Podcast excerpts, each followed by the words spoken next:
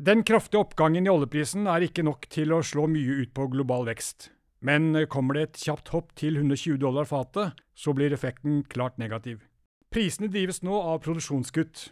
Saudi-Arabia vil løfte gulvet, men ønsker ikke et sjokk som kveler forbruket. Arctics oljeanalytiker Ole Rikard Hammer venter fortsatt oljepris rundt 100 dollar fatet neste år. Våre kjøpsanbefalinger på de norske INP-selskapene står seg godt, selv om oljeprisen skulle bli en del lavere enn det. Dette er Arctic-podden. Mitt navn er Stein Brun, sjeføkonom i Arctic Securities.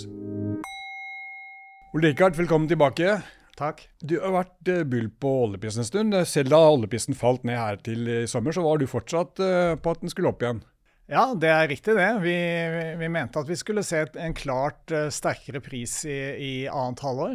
Både fordi det er sesongmessige tendenser til det, og fordi uh, vi så at en del produsenter forberedte grep i markedet. Nå er vi, vi er jo litt opp og ned om dagen, da. Men ja. hvis vi ser brent oljeprisen nå, som har holdt seg på 90 dollar fatet, eller høyere siden begynnelsen av september, så er den oppe sånn 3-4-25% fra snittet på 75 dollar fatet i juni.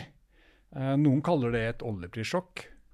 Ja, du kan kanskje svare på det bedre enn meg, men jeg ville ikke kalle det oljeprissjokk, all den stund vi har gått under de nivåene vi så i fjor. Jeg har telt opp nå sånn, hvor mange ganger har vi hatt 25% i løpet av tre måneder, og det har vi hatt en sånn ja, type 15 ganger de siste 10-11 årene. Ja, jeg vil, og jeg vil si at uh, oljeprisene har, har, vært unormalt lite volatil egentlig så langt i år. Vi har ligget innenfor relativt stramme bånd før vi da begynte å få det skiftet nå i løpet av sommeren. Men som volatilitetsmessig så er vi gått innenfor uh, rammene i, i, i, dette markedet. Ja, Men når oljeprisen har steget så mye som har gjort i løpet av kort tid, så er det jo veldig mange som fokuserer på oppsiden og tar ja. liksom, frem rundetidene fra forrige mesterskap. Og forrige mesterskap er jo 120 dollar fatet ja. fra juni i fjor. Skal ja. vi dit? Eh, jeg tror ikke det. Eh, vi tror ikke det. Eh, jeg tror at det er Saudi-Arabia sin, sin, målsetting er fremfor alt å heve gulvet for oljeprisen. Eh, de ønsker ikke noe oljeprissjokk, eh, og, men, men, de har markedsmakt nå. Ønsker klart å heve gulvet, men tr tror at de vil kunne styre denne prisen inn mot et nivå eh, alle i anførselstegn kan leve med. Ja, fordi Å leve med er jo viktig her. sånn, fordi Blir oljeprisen for høy, stiger den for raskt, så kan jo det altså Det virker jo som en sånn ekstraskatt på forbrukerne. Og det ja. kan jo føre til svakere etterspørsel over tid. Absolutt. Og det vi, jeg er redd for på, på, på, min side, og som du kan si noe om, Stein, det er jo effekten av økt oljepris på økte renter. Det er jo uh, en situasjon vi ikke har Da må tilbake på 80-tallet, kanskje, uh, for å se noe lignende.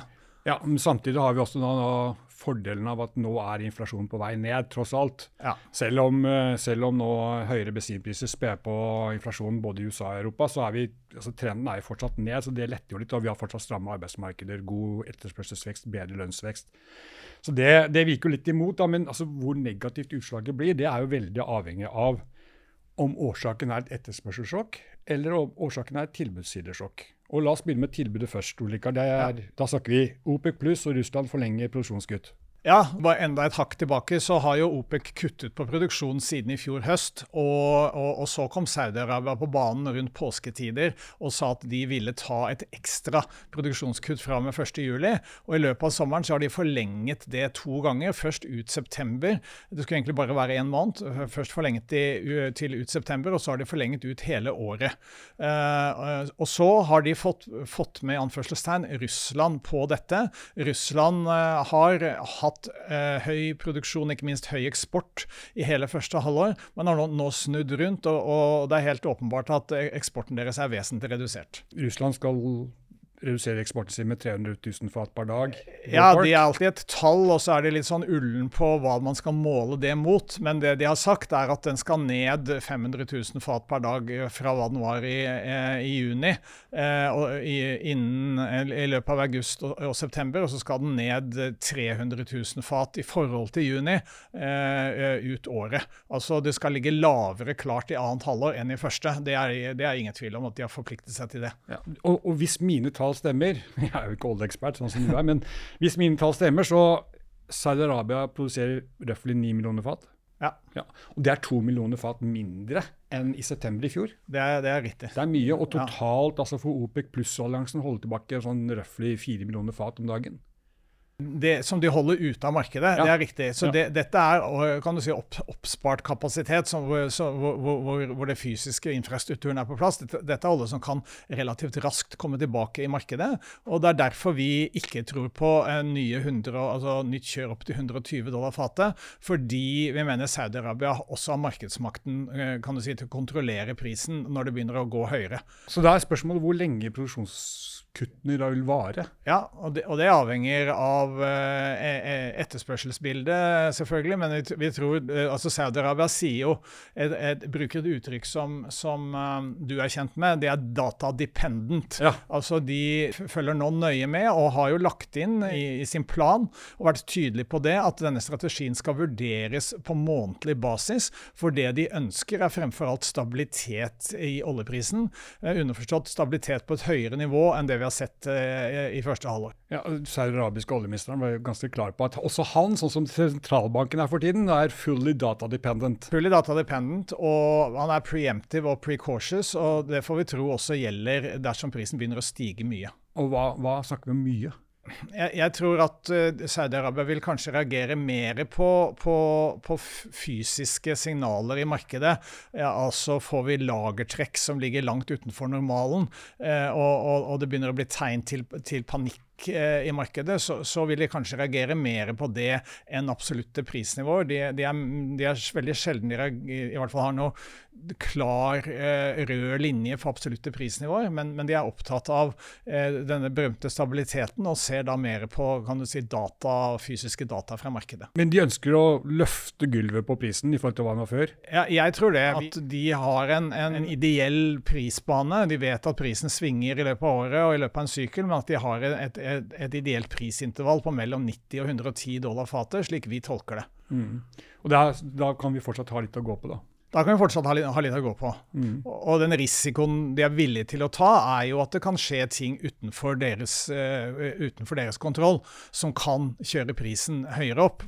Eksempel uh, vi kan ha orkaner uh, og være føreforhold som slår inn, eller det kan være andre politiske ting som slår ut større produsenter. Men, men signalet fra Saudi-Arabia er, er, veldig tydelig at de ønsker en, en høyere prisbane og har makt til å presse frem det, og er villig til å ta sjansen på at det kan gå noe over, men at, de, eh, men, men at, de, kan kompensere. Hvor mye kan andre produsenter, altså utenom OPEC, eh, kompensere for dette produksjonsbortfallet? Det, det er i, i relativt eh, si, liten til moderat grad. En grunn til at Saudi-Arabia har økt markedsmakt, det er jo at produksjonsveksten i andre land nå kommer ned. Og Det er en konsekvens av at oljeinvesteringene har vært lave nå i, i, i åtte år, altså gått ned fra toppen. og, og bringer, altså det bringer færre nye prosjekter inn i markedet. Og vi ser en helt annen holdning fra amerikanske skiferprodusenter, eh, som er vesentlig mer kapitaldisiplinerte og, og, varsomme med å øke investeringene. Og da er det ikke så mange andre produsenter som kan, i hvert fall ikke kan øke produksjonen mye og på kort tid. Nei, og, og samtidig med disse produksjonsbegrensningene eller kuttene, eller hva du vil, så har jo etterspørselen vært overraskende god i år. Ja, etterspørselen har vært sterk. og Der har vi hengt oss på eh, deg, Stein, som har sagt at det har liten, liten sannsynlighet for, for resesjon globalt i år. Mm. Eh, etterspørselsbildet har vært eh, veldig bra. Noe av det skyldes Kina og recovery fra covid der. Men, men vi skal huske, bruken bruke den økonomiske læreboken vår, altså fallet i oljeprisen det siste året har primært vært tilbudsdrevet. Mm. På 120 dollar fatet så i fjor så produserte jo alle hva de kunne. i tillegg til at man var villig til å trekke på strategiske lager. Ja. Eh, så da har vi ekspansjon i økonomien med, med, prisfall i ryggen, og det har gitt bedre etterspørsel. Ja, men, men, lagersituasjonen nå er en annen enn det var for et år siden? Ja, nå har vi snart jeg, gått, gått en full runde. I, I, fjor var lagerne på fem til åtte års lavmål. Eh, og det var eh, litt sånn småpanikktendenser i markedet fordi man ikke kjente til hva Russland ville gjøre. Og, og man valgte da å tilføre fra de strategiske lagrene jeg bruker kall det sparebøssen. Eh, ganske betydelig volum, altså nesten 1 million fat per dag, eh, som er ca. 1 av, av global eh, produksjonskapasitet. Det valgte man å tilføre. Nå er vi, nå har etterspørselen spist opp det. og, og, kombinert med disse OPEC-produksjonskuttene så begynner vi å nærme oss de samme lagernivåene som vi var på for et år siden. Men da nå er nå er tendensen nedover. Da var vi egentlig begynt å snu oppover. Så, så det er noe av det som får aktørene til å bli mer eh, villige til å presse prisen høyere. Ja, og, og denne etterspørselsveksten som vi har hatt i år, da, dreier seg om en par millioner fat om dagen? Ja, ca. to millioner fat per dag. I overkant av det, eh, sannsynligvis. Eh, noe, noe gjenstår av, av, av, året, men det er, et, det er et høyt tall. Eh, trendveksten før covid var ca. 1,4-1,5 millioner fat per dag, så vi ligger jo vesentlig over, over det nivået. Så dette er et, et høyt, høyt nivå historisk. Ja, og som du var inne på, en god del av denne etterspørselsveksten kommer fra Kina. Ja, Kina vil nok stå for kanskje to tredjedeler av dette. Eh, det er eh, mer enn noe mer i hvert fall enn vanlig, og, skyldes, eh, som de aller fleste har fått med seg, at Kina var nedstengt store deler av fjoråret fordi covid kom tilbake, og har da en gjenåpning i år. Det var vel rundt juletider at de egentlig ga opp den strategien og, og åpnet, og, og, da ser vi, akkurat som vi, vi opplevde der hjemme, at, at transport etter etterspørselen uh, slår voldsomt ut når folk får lov til å, å, bevege seg fritt rundt som de ønsker. Ja, og Både du og jeg, da folk begynte å bli negative på Kina fikk dårligere makrotall sånn fra vårparten av, så fokuserte vi veldig på at det er ikke det som driver voldsetterspørselen i Kina, det er helt andre ting. Helt riktig. Den klassiske kinesiske sykelen er jo styrt mye av tungindustrien, som, som krever eh, innsatsfaktorer og, og, er sterk spesielt på, på trøkking eh, og, og dieselforbruket i den, i den, forstand. Eh, nå ser vi at det er helt andre drivere. Det er flytrafikk, altså flybensinforbruk og bensin som drar dette opp, i tillegg til petrokjemi og raffineringskapasitet. Så det er en mye større bredde i oppgangen enn, enn det som har vært det vanlige. og Det reflekterer da de, de trendene rundt transport som vi snakker om snakker om. Og fly er jo her viktig. Økt behov for jetfuel når kineserne begynner å reise mer. Altså, ja. Det jeg så da, det var når restriksjonene ble opphevet rundt årsskiftet, så begynte kineserne å reise mer, mye mer innenlands. Ja. Og, og, Kina er stort, så det, det, det er mye fuel. Ja, det er mye fuel. Ja, absolutt. Uh, og, og, nivået da sånn på vårparten var tilbake på der vi var før pandemien. Ja. Eh, men derimot så det jo, tok det jo lang tid før utenlandsreisen fra Kina begynte å ta, unnskyld uttrykket, ta av. Ja. Og det kom jo først sånn i type april-mai. Ja. Eh, økte kraftig, og nå ligger vi på sånn ca. 80% av hva nivået var i 2019. Så der har jo deltaen vært veldig stor. Deltaen har vært stor der, og de var senere ute med å øke de, eh, eller lempe på de restriksjonene. Mm. Så der kan det komme mer. Men, ja, fordi nå gir jo Kina ja, åpnet ja. for at kan gruppereiser til utlandet, så vi skal sannsynligvis ja. fra 80 av pre-covid til kanskje 100 av pre-covid. Ja. Det, det, som er viktig å, å, få med seg her, det er jo at det, det, det skiftet i Kina fra den lave covid-etterspørselen til det, normale nivået nå, det har allerede skjedd. Mm. Det begynte i fjor høst og skjedde i løpet av vinteren. Det er ikke sånn som man kan liksom få inntrykk av at, at, at man har trodd at eh, kinesisk et, at det ligger et voldsomt, må ligge et voldsomt etterspørselsløft foran oss for at oljemarkedsbalansen skal reddes. Det er ikke riktig. Så, så tallene på olje har vært klart bedre enn makrotallene, og vi har kommet opp, og det har tatt oss opp på det nivået vi bør ligge på eh, trendmessig i Kina. Ja, jeg sjekket bare liksom snittet fra juni-august, oljeimporten til Kina opp 31% fra året før. Ja. Og så så jeg på snittet oljeimport eh, for de første åtte månedene i år 1,4-1,5 millioner fat høyere enn de første åtte månedene i fjor. Så det er ganske stort sving. Det er, det er, stort sving, absolutt. Og, og, vi skal vel ikke eh, sti, stikke under en stol eh, at vi, vi tenker jo at, eh, at kineserne har, har, brukt dette her noe til lageroppbygging også. Xi Jinping har hatt to utenlandsreiser i år, og det har vært til oljeprodusenter, og, og spesielt til Riyadh. og Det er ikke utenkelig at, at man har, har, diskutert disse tingene. Så, så, kineserne har i hvert fall truffet godt med å, med å kjøpe olje i løpet av vårparten, hvor, hvor prisen var lavere enn i dag. Men, men etter etterspørselsveksten kan jo da flate ut fremover. Det er veldig, ikke veldig sannsynlig. Ja. ja. Og det er jo endringen i marginaletterspørselen som påvirker prisen på en vare. Ja. Så den, den prisdrivende effekten fra fortsatt høyt nivå da, på, ja. på kinesisk oljeimport, den prisdrivende effekten kanskje skal forta seg litt fremover? Den fortar seg nok litt, men vi er nok uh, tilbake til spørsmålet ditt rundt hva som driver prisoppgangen. Mm. Så, så uh, er det nå tilbudssiden som egentlig er blitt mer prisdrivende.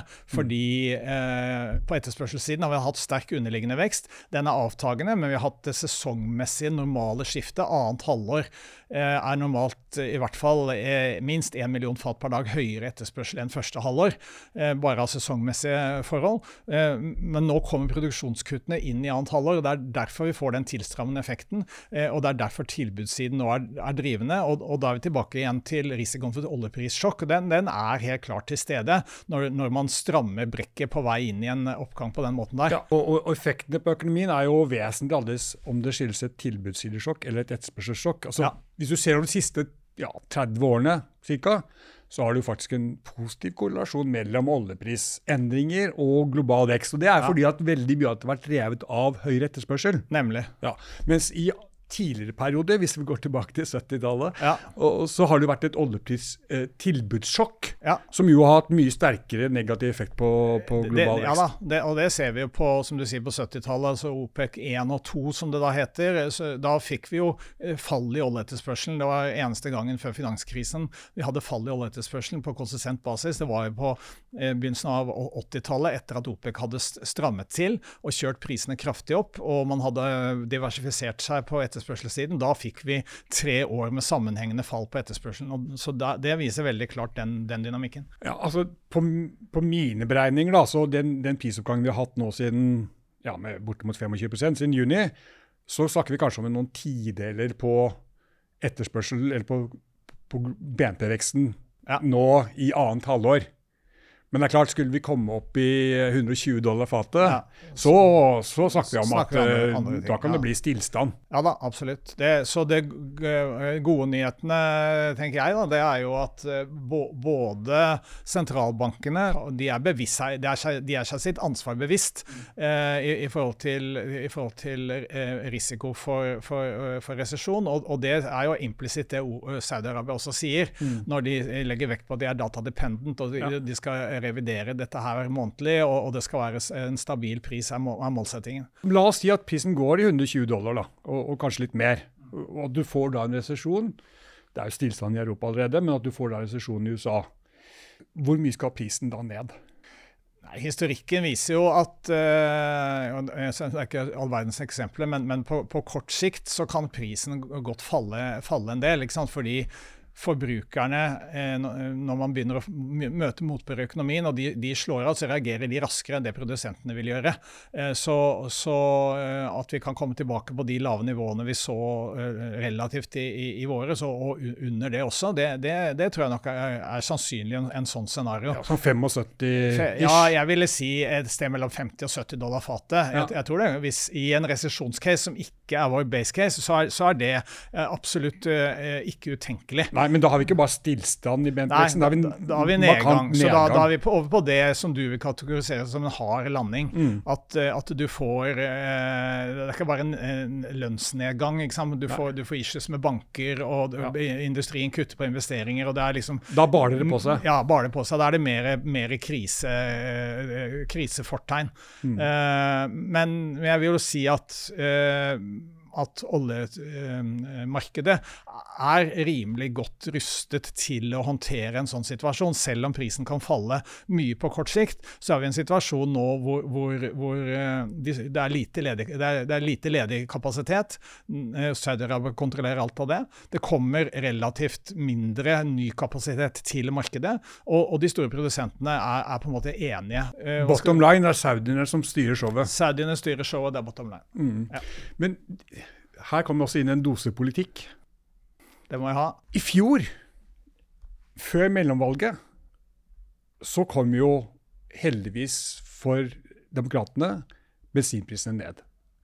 Da, som du så inne på i sted, så trakk jo da amerikanerne på strategiske lagre, eh, som bidro til oljeprisnedgangen. Nå er det ikke så veldig mye å ta der.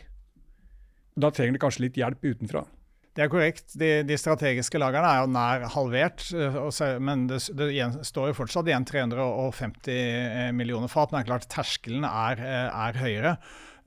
Så man må jo tenke seg at presset det politiske presset mot, mot Saudi-Arabia spesielt, det, kommer til å øke. For dette er eh, lite velkomment eh, i, i, Det hvite hus på vei inn i valg, valgkampen, og amerikanske bensinpriser allerede er stigende. Ja. Så, så, så, det kall det risikoen for, for uh, politisk press, den vil øke. Og, og, og uh, det er jo også åpenbart, uh, fra mitt ståsted i hvert fall, at for, for Trump, hvis han blir motkandidaten her, så, så, vil han kjøre hardt på at han kan få, få ned bensinprisene ja. hvis han blir gjenvalgt. Ja, og, og, prisen på bensin er den viktigste prisen for amerikanske forbrukere og amerikanske ja. velgere. Det er jo nå har jeg vært spekulasjoner nå en sen tid om at USA og Saudi-Arabia kan være i ferd med å forhandle om en forsvarsallianse, slik som eh, USA har med Japan og Korea. Ja. Da kan man jo fort tenke seg at, eh, eller hvert fall spekulere i at det kan uh, Hva kommer, ja, hva kommer ja. saudierne tilbake med da? Ikke sant? Vi, det, det, som er vanskelig for oss analytikere som sitter og knuser tall, det er jo å vite hva som skjer på bakteppet her, eller på bakrommet. Mm. Og, og, vi ser jo f.eks. at USA har vist en litt mer pragmatisk til, tilnærming til Iran, f.eks. Mm.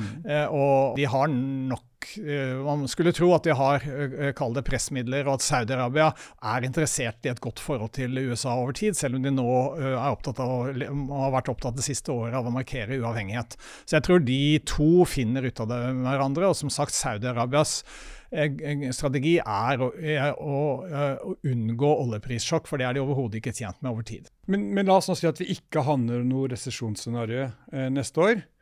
Så hva, hva, ser du for deg oljepris? Har 85 dollar, 85 dollar i, i, år. Eh, og, vi, eh, og, og, vi, har hatt ganske lenge 100 dollar eh, som forventet pris neste år. Det, det, står vi på. Utviklingen da i løpet av sommeren og nå på høsten styrker oss i, i, i det caset der. Eh, og, vi mener at det er konsistent med, i å tro at det er vekst i global oljeetterspørsel, også på 100 dollar fatet. Eh, du husker godt, Stein, og du husker selvfølgelig tilbake da til perioden 2011 til 2014 hvor det var snitt 100 dollar over ja. de tre årene. Ja. Og det eh, til tross for at det da var kjervt i Europa. Ja, mm. og, og, da, og da, hadde vi, da, hadde vi, vekst. Eh, husk at mange av disse landene er, er relativt skjermet for markedsprisen på, på råolje i forhold til hva konsumentene betaler på pumpene, og, og staten tar, tar regningen på det. Eh, så, så, så, overførbarheten av av eh, oljeprissjokket er, den er noe skjermet. Men, men vi er eh, vare for denne, liksom, en, en, bratt og plutselig oppgang. Det, historien forteller oss at det er da vi får problemer. Ja, og, og den negative effekten av pumpeprisen er nok større i USA enn den er i Europa. Ja, det er riktig. Men, men du, hva, hva med sånn etter 2024, sånn 25, 26, 27, hva, hva ser du for deg da? Nei, Jeg tror vi er inne i et sterkt tiår for oljemarkedet totalt sett. Eh, ser vi historisk, så, så har oljeprisen gått i sykluser på pluss-minus eh, ti år. Og, og, det er liksom den tiden det, det, tar å justere tilbudssiden. For det er et veldig langt tog fra å finne reserver, utvikle reserver, faktisk sette det i produksjon. Nå er vi i en, en, situasjon hvor vi har et, etter vår mening et investeringsetterslep. Samtidig så har etterspørselsbildet eh, vist seg foreløpig å være rimelig rimelig robust. Eh, og, og, da er vi i en situasjon hvor, hvor det, vi, vi ser ingen tegn til den overkapasiteten som historisk er det som har dratt oljeprisen ned og, og holdt den nede over lang tid. Eh, vi er sikre på at vi, eh, vi, ender på det på et eller annet tidspunkt, men, men, men vi, er, vi, er, absolutt ikke så langt i syklusen at man skal bekymre seg over det. Så jeg mener vi ser et sterkt oljemarked eh, også utover de, de punktestimatene vi har. Ja, så, så, 100 dollar neste år, så noe lavere i årene etter? Ja, ja, vi har jo 80 dollar eh, reelt sett, altså korrigert for inflasjon, så vi, er jo, vi tror jo på sykluser både opp og ned. Eh, så det er det vi bruker i, i altså når vi diskonterer kontantstrømmer og gjør disse aksjeanbefalingene. Men slik jeg ser fundamentals i oljemarkedet, så, så, mener jeg vi er, eh, er, godt Eller vi er inne i en positiv syklus, og vi er, vi er, vi er Jeg ser ikke slutt renten på den foreløpig. Nei, og Apropos aksjer, så har vi, altså det er jo nærmest en skjønnhetskonkurranse mellom IMP-selskapene på Oslo Børs og hvem man skal, skal, skal foretrekke. Ja. Vi, er, vi, er, vi er bull på de aller fleste. Vi er bull på de aller fleste, og det går på altså, en, en, del av markedssynet vårt, men den andre delen er jo prisingen av disse selskapene, som, som vi mener er eh, rimelig. Eh, eh Dvs. Si da typisk at de større selskapene er verdsatt til under eh, en forventet pris på 80 dollar fatet, og, de, og de små selskapene er klart lavere forventningspris enn det. Ja, og, og der, det er viktig. De, våre anbefalinger på disse aksjene er ikke basert på 100 dollar. Nei, det er helt riktig. De er attraktive også på lavere nivåer. Det er, det er helt riktig. Absolutt. Ja, da er vi fortsatt bull på den sektoren. Ja. Takk skal du ha, Ole Rikard. I like måte, Stein Brun. Takk. This podcast has been prepared by Arctic for information purposes only. The information, opinions, and recommendations presented in this podcast are for general information only, and any reliance on the information provided in this podcast is done at your own risk. This podcast should not be considered professional advice. The information provided in this podcast is not intended to constitute investment advice, nor is the information intended as an offer or solicitation for the purchase or sale of any financial instrument. Relevant and specific professional advice should always be obtained before making any investment or credit decision. It is important to note that past performance is not indicative of future results. This podcast does not fulfill the criteria for preparing investment research and must be seen as marketing material. All information information submitted during this podcast is obtained from public sources that Arctic believes to be reliable, but which Arctic has not independently verified. Arctic makes no guarantee, representation, or warranty as to its accuracy or completeness. No liability whatsoever is accepted for any direct or indirect, including consequential, loss or expense arising from the use of information from this podcast.